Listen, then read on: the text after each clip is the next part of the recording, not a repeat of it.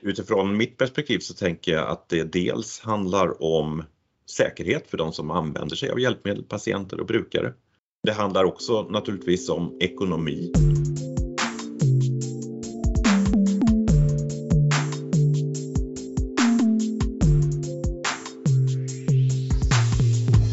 Hej och välkommen till FoU-podden. Det här avsnittet kommer att handla om ordnat införande av obeprövade hjälpmedel. Med mig idag är Anneli Söderbäck och Karl Schultz. Varmt välkomna. Tackar. Tack. Och vi börjar med att ni får presentera er lite noggrannare. Vem är du och varför är du med i den här podden, Anneli?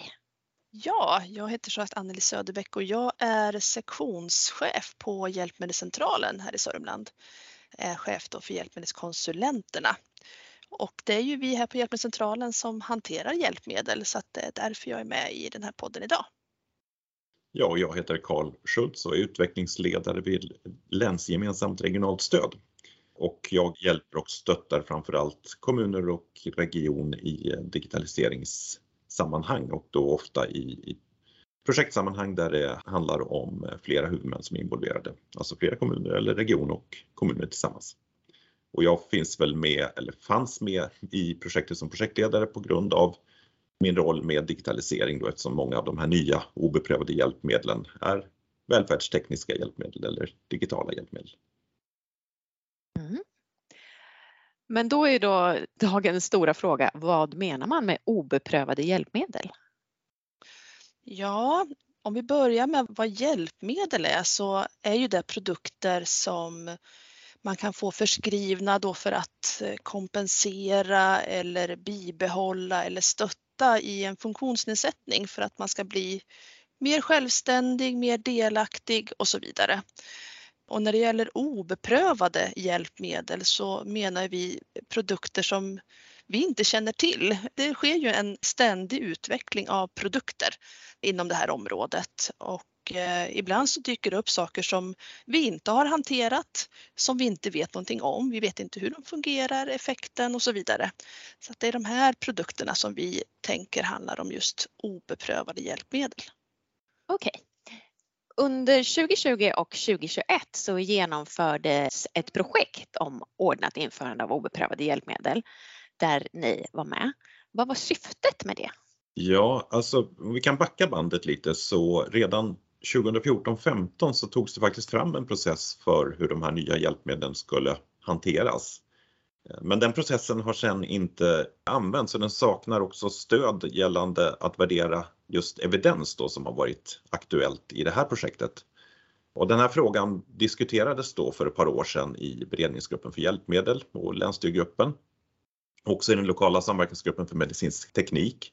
Och där var man överens alla parter att det var dags att se över den här frågan igen då och ta fram en ny process som innehåller då de nödvändiga steg som behövs för att, att skapa en evidensbaserad process för att hantera de här nya obeprövade hjälpmedlen.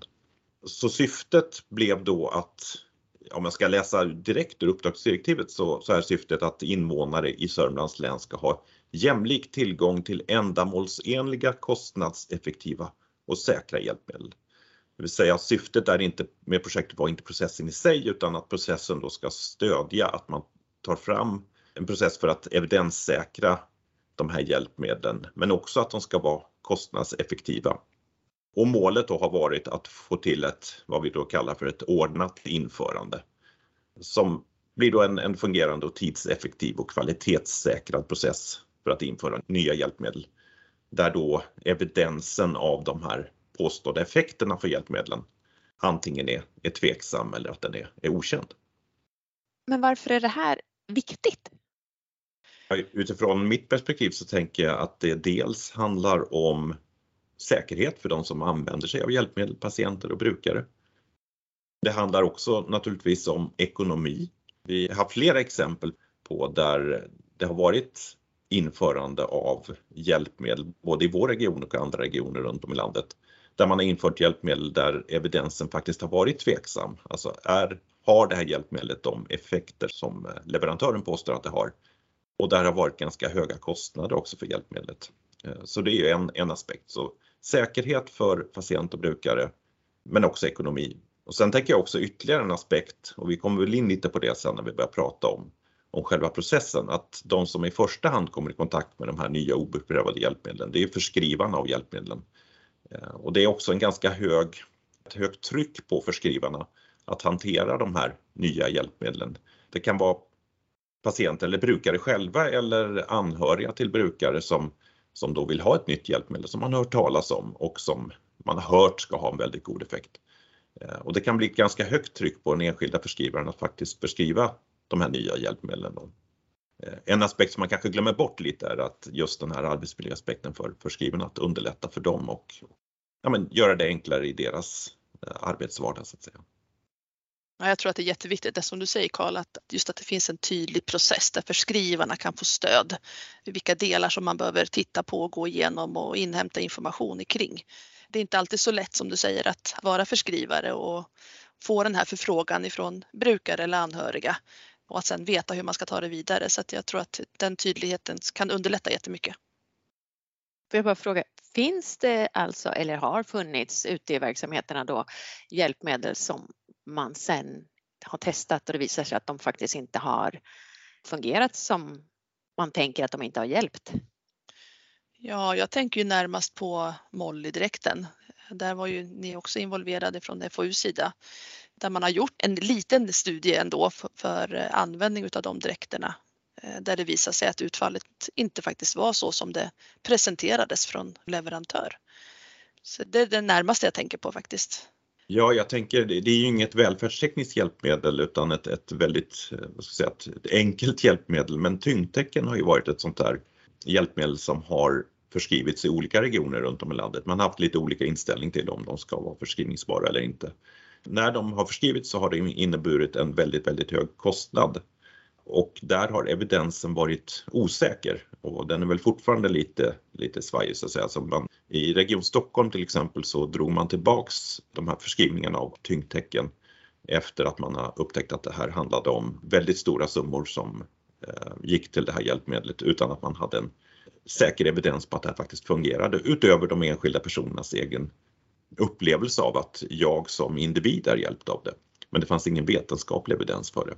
Sen har man gjort en eh, revision kan man säga, eller man har tittat på vad det finns för evidens och kommit fram till, att ja, det kanske finns visst stöd för det ändå. Och riktigt var man står nu idag, det, det är jag osäker på, men där har det också skett en utveckling mot att hjälpmedlet kanske mer har blivit en, ja men vad man ser som en konsumentprodukt som går att köpa av, av vem som helst ute i handeln. Så det är en, en ytterligare en aspekt på det hela. Men det, det, är ett exempel på ett hjälpmedel där man har lagt ner mycket pengar utan att kanske vara säker på hur, hur evidenssäkra den här produkten är. Då. Men som du sa kan det alltså vara så att ändå enskilda personer kan känna att det hjälper dem, även om det inte kanske tillräckligt mycket på bredden för att det ska räknas som evidens? Så kan det ju vara, absolut. Och den upplevelsen är ju är naturligtvis värd mycket också. Och man kan ju göra särskilda förskrivningar och det kanske Anneli får förklara bättre vad det innebär men det är fullt möjligt att göra enskilda förskrivningar till, till enskilda individer så att säga. Men på det, vad ska vi säga, på det övergripande plan så är det ju viktigt att vi vet om vi ska införa ett hjälpmedel i det ordinarie sortimentet så är det viktigt att vi vet att de effekter som hjälpmedlet påstås ha, att det faktiskt finns en evidens för det. Mm. När ni gjorde den här undersökningen nu i projektet, hur gick det till? Ja, det här uppdraget kom då från, från lässtyrgruppen ursprungligen och utifrån eh, uppdraget så bildades då en, en arbetsgrupp som skulle jobba med det här projektet där jag då var projektledare och min kollega från regionen, Percy Nattfalk, var processledare och i den här arbetsgruppen så ingick det då bland annat naturligtvis förskrivare av hjälpmedel men också hjälpmedelskonsulenter från Hjälpmedelscentralen. Vi hade en hälsoekonom från regionen. Eh, det fanns också representanter för eh, rehab och en del eh, enhetschefer också, bland annat från, från paramedicin. Och tanken var ursprungligen att vi skulle ha, jag tror det var tre till fyra arbetsmöten där vi satt gemensamt och försökte jobba fram den här processen. Sen kom det då en pandemi mitt i alltihop här som gjorde att vi fick ändra oss helt enkelt och, och lägga om det här till att det blev en, en digital utvecklingsprocess. Och det här var ju ganska mycket i början av pandemin så det var lite klurigt i början att, att hålla de här workshopen som vi då hade digitalt. Så det tog ett antal workshop innan vi ens hittade formerna för hur vi skulle arbeta. Vi var inte lika vana då att eh, nu sitter vi och spelar in den här podden till exempel via Teams och tycker att det känns ganska naturligt och bra. Men då var folk inte alls vana vid att hantera Teams. Det var mycket frågor kring hur vi skulle göra rent tekniskt med programvara. Hur ska vi göra när vi inte kan ha post-it-lappar? Bara en sån fråga var, tog liksom ett par möten att utreda. Vilket verktyg vi ska ha. Eh, ja, det blev det Microsoft Visio som vi skulle hantera då. Först skulle alla in där och skriva, vilket gjorde att det blev kaos och det blev tekniskt strul för vissa. Eh, och det slutade med att vi kom fram till att ja, men vi i projektgruppen sitter och diskuterar och sen så är det då Percy som processledare som dokumenterar. Och då hittar vi en arbetsform som, som till slut fungerade riktigt bra. Eh, men det tog längre tid än vad vi trodde. Så sammanlagt satt vi i sju olika workshops med det här arbetet eh, och det var en, en, en tröskel att ta sig över innan vi hittade arbetsformerna. Eh, och de här sju workshopen pågick till och med våren 21. Och det blev riktigt bra i slutändan. Och vi jobbade efter någonting som kallas för HUKI, det vill säga jag skulle säga en arbetsmetod för att identifiera vilka aktörer det finns i en process. Alltså vilka är det som gör någonting i en process och vad gör varje aktör? Och hur agerar man som aktör i varje enskild sammanhang? Det vill säga, vem är det som man måste hämta in information ifrån och vad gör jag som aktör i varje enskilt steg för att informera eller producera någonting till nästa steg. Så den här HUKI-modellen var, var en väldigt användbar modell att hantera det här projektet på för att liksom bena upp vilka som faktiskt gör någonting i den här processen och vad de gör.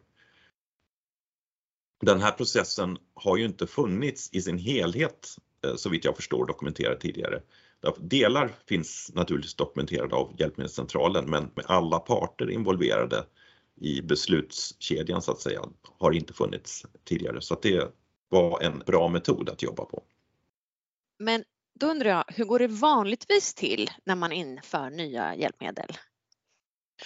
Ja, vi har ju ett arbetssätt som heter särskild ansökan det är ju så att eh, våran hjälpmedelsförsörjning regleras ju utav ett visst sortiment som ju då är ett resultat förstås utav upphandlingar och avtal. Och vi har ju också ett regelverk som reglerar alltså vilka kriterier som behöver vara uppfyllda för att få vissa hjälpmedel. Och många gånger så räcker ju det här väldigt långt att både det sortiment vi hanterar och att regelverket tillåter så är det en ganska god eh, hantering när det gäller hjälpmedel och att man når sina mål med de hjälpmedel vi har. Men ibland så räcker ju inte det till. Och då kan det vara så att antingen då så får vi in ansökningar då på särskild ansökan som är hjälpmedel utanför regelverk eller som kanske är mest aktuellt utifrån det här vi pratar om, att det är produkter utanför sortimentet, alltså sånt som vi inte har upphandlat och som vi inte har avtal på. Eh, och det är den här vägen då som det kommer in nya saker. Många gånger när vi får de här förfrågningarna så kan det handla om en, en annan typ av rullstol än det som vi har i sortiment. Och där kan vi jag känna att det är inte riktigt de obeprövade hjälpmedlen som vi egentligen pratar om här. Men det är egentligen de vanligaste förfrågningarna vi får då, andra typer av hjälpmedel som vi ändå känner till. Men så dyker det ibland upp då lite mer udda hjälpmedel, nya saker. Och ofta så är det ju så då att antingen att det är en förskrivare eller kanske patienten själv som har sett det här hjälpmedlet eller hört talas om det eller man har varit på en, en mässa någonstans och sett det här hjälpmedlet och tycker att det där hjälpmedlet, det skulle hjälpa mig i min vardag. Och så tar man som sagt en kontakt med sin förskrivare och för ett resonemang.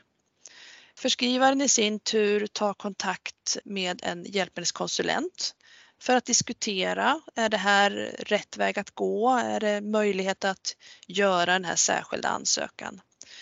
Och där har vi också lite grann som ett arbetssätt att eh, man i första hand behöver pröva det som finns i sortimentet för att se om det möter det här behovet då som patienten har.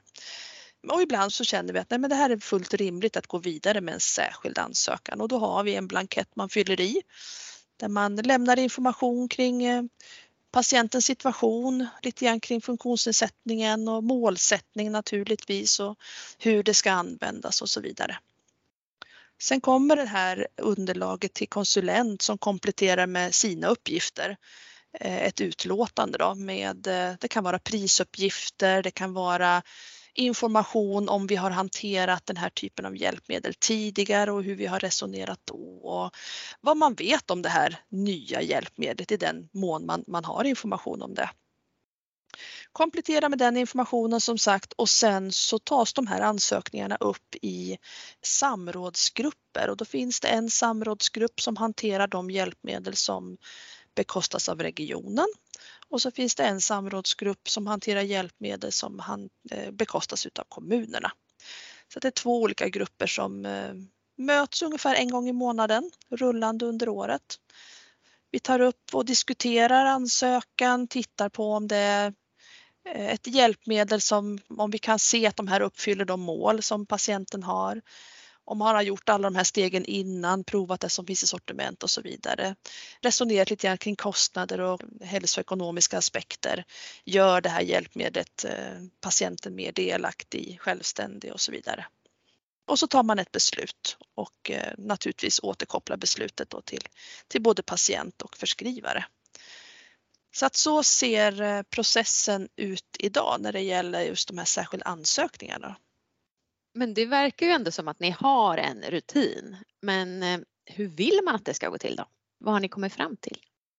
Ja, nyckelordet här är ju då som vi har pratat om flera gånger, evidens. Och evidens eh, brukar man då definiera som bästa tillgängliga faktaunderlag.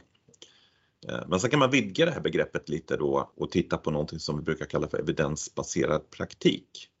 Och då är det inte bara kanske bästa tillgängliga kunskap i form av forskningsresultat som man kanske är det man tänker på i första hand när man pratar om evidens utan då utgår man också från andra aspekter som till exempel patientens eller brukarens egen upplevelse och hens erfarenheter.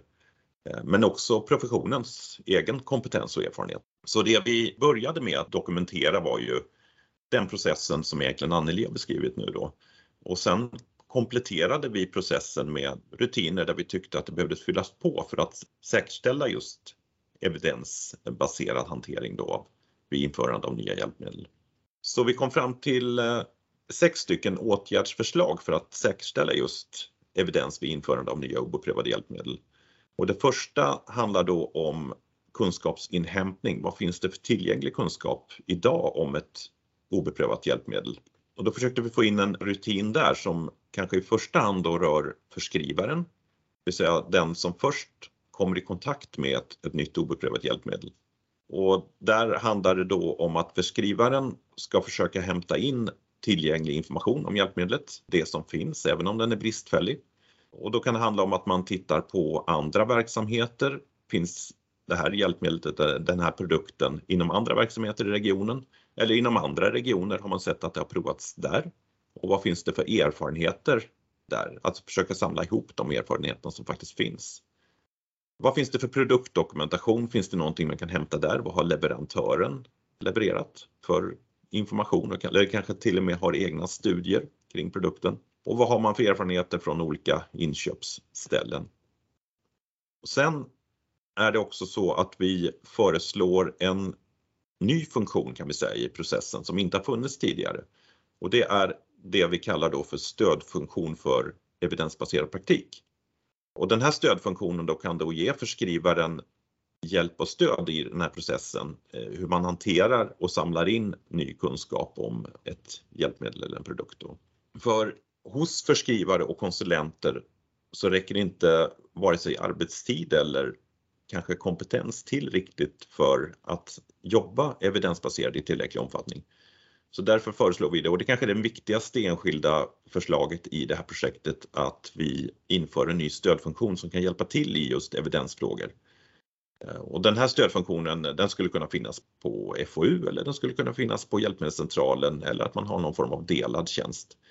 Och det är också en, även om det är en väldigt viktig funktion som vi ser det, en central funktion för att man skulle få en evidensbaserad process så är det ju kanske inte en funktion som fyller en hel tjänst, men då tänker vi att det är också viktigt att stötta evidensbaserad praktik i en hel del andra eh, sammanhang i eh, regionen eller ute i kommunerna. Eh, och vi har ju delvis också på FoU ett sådant stöd idag så att vi tror att det är fullt möjligt att i någon form få till en sån här funktion. Ytterligare ett förslag som finns i, i den här rapporten då, är, eller processförslaget, är att standardisera de utvärderingar som görs vid särskilda förskrivningar. För gör man en särskild förskrivning så, så ska man göra någon form av inhämtning av erfarenhet, utvärdera vad erfarenheterna är från det här hjälpmedlet eh, vid en enskild förskrivning. Och kan man då hitta ett standardiserat sätt som inte kanske har funnits idag, vilka frågor man ska ställa eller hur man ska samla in information kring vilka erfarenheter man har från ett specifikt hjälpmedel, så kan man vinna mycket där på att man får in flera olika utvärderingar som har utvärderat det här hjälpmedlet i enskilda situationer från olika perspektiv så, så blir det inte kanske så hjälpsamt. Men om man har en, ett frågebatteri eller kanske en mall för hur den här utvärderingen av ett hjälpmedel vid en särskild förskrivning ska gå till, så kan man ju samla på sig ett antal utvärderingar vid en mängd olika särskilda förskrivningar och då får man en kunskapsbas där också att utgå ifrån. Och sen har vi också lagt till att vi ska göra en översyn av den riskbedömning som görs då och eh, den här riskbedömningen bör då göras utifrån den erfarenhet man samlar in utifrån de utvärderingar vi har standardiserat. Då. Och sen så har vi också ett förslag kring att skapa tydliga skriftliga kriterier kring vad som ska ingå i underlaget när ett hjälpmedel föreslås då att införas i det ordinarie sortimentet. Och det förslaget går ut till beredningsgruppen för hjälpmedel. Och där har vi lite tankar på att det ska dels naturligtvis finnas en allmän beskrivning av, av hjälpmedlet, eh, vilka behov hjälpmedlet är tänkt att fylla. Men också att man har med de här som vi var inne på tidigare, vilka ekonomiska aspekter eller konsekvenser finns det av att införa det här hjälpmedlet? Finns det några potentiella besparingar och vad finns det för möjliga eh, kostnadsställen så att säga? Vad är det för kostnadsökningar som det här skulle kunna innebära? Och sen så också naturligtvis då samlat vad finns det för evidensläge gällande det här hjälpmedlets påstådda effekter. Och då kan vi då ha de här insamlade erfarenheterna dels via förskrivarna som då har Eh, genom den här stödfunktionen för evidens och evidensbaserad praktik då samlat ihop de erfarenheter som finns från särskilda förskrivningar. Och man tittar också på risker för brukaren utifrån de här riskanalyserna då som vi pratade om också. Och sen finns det också ett förslag då kring, kring regelverk kring hjälpmedlet. Vem är det som får förskriva det här hjälpmedlet? Vilka kriterier ska gälla vid förskrivning? Eh, alltså vad, vilka kriterier ska vara uppfyllda för att man ska förskriva det här hjälpmedlet? Och så vidare. Och det, det, här, mycket av det här finns ju redan men det handlar om att se över och liksom försöka få en, eh, vad ska jag säga, en basnivå eller en standard för hur det här ska gå till så att det inte blir olika varje gång man gör det. Och sen slutligen då så tänker vi att det är viktigt också att få fram tydliga riktlinjer för vad som krävs vid sortimentsinförande om man ska fatta beslut om ett hjälpmedel ska föras in i ett sortiment. Då. Och det kan till exempel handla om att ett visst antal särskilda förskrivningar eller ansökningar ska vara gjorda för att ett hjälpmedel ska eh, bli aktuellt för att tas upp i ordinarie sortiment. Det kan också handla naturligtvis om krav på dokumenterad påvisad effekt, alltså evidens på att hjälpmedlet har den effekt som det påstås ha. Eh, och slutligen också att man har krav kanske på en kostnadsanalys, vilka ekonomiska konsekvenser införandet av hjälpmedel får. Då. Det var ganska många punkter. Ja, det var det. ja. Vad händer nu då framöver? Ja, nu har vi ju den här rapporten som du Karl har sammanställt och vi har ju återkopplat till länsstyrgruppen, de som gav oss uppdraget från början. Och i samband med det så efterfrågades det här med patientperspektivet lite tydligare. Så tanken framöver nu är att det ska göras en, en riskanalys med just patientsäkerhet som utgångspunkt. Och eh, troligtvis så blir det så att vi gör en riskanalys utifrån den process som vi har idag för att se lite grann de här bitarna kring patientsäkerhet. Då. Så det här kommer att genomföras efter sommaren och så tar vi ett avstamp i det så det är väl det som ligger närmast i tiden nu i alla fall att jobba vidare med. Så jag bara komplettera eller förtydliga då att det här förslagen som vi har kommit fram till för att förbättra den här processen, det är just förslag. Sen får vi se då, dels utifrån den här riskanalysen då, men också hur man vill komma vidare sen, vilka av de här förslagen man vill genomföra, det är ju inte klart än. Nej. Utan det blir nästa steg så att säga. Okej, så av alla de här, vad kan det varit, tio punkterna du drog så kanske det bara blir hälften eller? Så skulle det kunna vara. Man kanske, den här stödfunktionen till exempel för evidensbaserad praktik, det kräver ganska mycket för att införa det, både ekonomiskt och eh, man kanske krävs en, en ny kompetens som man anställer helt enkelt och det är ett ganska stort steg att ta. Men vi tycker ju utifrån när vi jobbade med den här processen så tycker vi att det är en, en central del av förslaget. Det är väldigt viktigt för att man ska kunna evidenssäkra den här processen. Eh, men sen är det upp till eh, naturligtvis, det finns andra aspekter Eh, utifrån ekonomin, utifrån eh, man kanske kommer fram till att det finns andra sätt att säkerställa den här evidensbaserade processen. Så det, det finns ju naturligtvis eh, olika perspektiv på det här och vi gjorde det här utifrån vad vi tyckte var bra i den situationen och utifrån de kompetenser som fanns i arbetsgruppen och sen kommer man fram till att man kanske vill införa delar av det här. De förslag vi har så kan man ju naturligtvis göra det och hitta andra vägar. Jag tänker samma frågor måste ju finnas i alla regioner. Var det här ett nationellt projekt eller gäller det här bara för Sörmland eller kan man hjälpa varandra på något sätt? Ja, det här gäller ju bara för, för Sörmland, det är Region Sörmland vi har, har tittat på. Men eh, jag har ju fått återkoppling i olika sammanhang från andra regioner där man är väldigt nyfiken på vad vi gör här och vad vi kommer komma fram till i slutändan. Eh, för problematiken finns ju naturligtvis eh, i alla regioner. Eh, så jag tror att det kan finnas ett ganska stort intresse från andra delar av landet att titta på vad vi gör och hur väl det slår ut också om vi lyckas med det här. För det är inte alldeles enkelt och vi har ju gjort ett försök tidigare som jag nämnde i början här som då aldrig genomfördes. Så vi får hoppas att vi kommer längre nu och kanske blir en inspiration då för andra regioner också. Ja, absolut. Vi, vi, sitter ju inte själva med den här problematiken att det dyker upp nya produkter på marknaden. Så är det ju. Och jag vet att många regioner har sina arbetssätt kring just det här med särskild ansökan men att det ser väldigt olika ut. Och jag tror absolut att det här skulle kunna vara en, en inspirationskälla för att eh, jobba lite mer likvärdigt och också kunna hjälpas åt när det gäller just att inhämta information kring produkter. Det kanske finns någon region i någon annan del av landet som faktiskt har stött på de här hjälpmedlen och vi kan hjälpas åt på det sättet genom att dela information med varandra. Så jag tror att det kan sprida sig förhoppningsvis. Ja, jätteintressant i alla fall att höra om det här om man nu skulle vilja veta mer eller grotta ner sig i det här ämnet, har ni några tips på var man kan hitta information? Jag tänker att i första hand så får man ju titta på projektrapporten och de eh, bilagor som finns till den. Det finns ju en, en rapport som beskriver själva projektet och övergripande de här åtgärdsförslagen vi har. Men till det eh, så finns det också en processkarta som visar processen i detalj som man kan fördjupa sig i om man är intresserad också en processbeskrivning i text som beskriver varje steg i processen i ord och vad som produceras, vilka aktörer som finns, vilken information som produceras och hur man går vidare.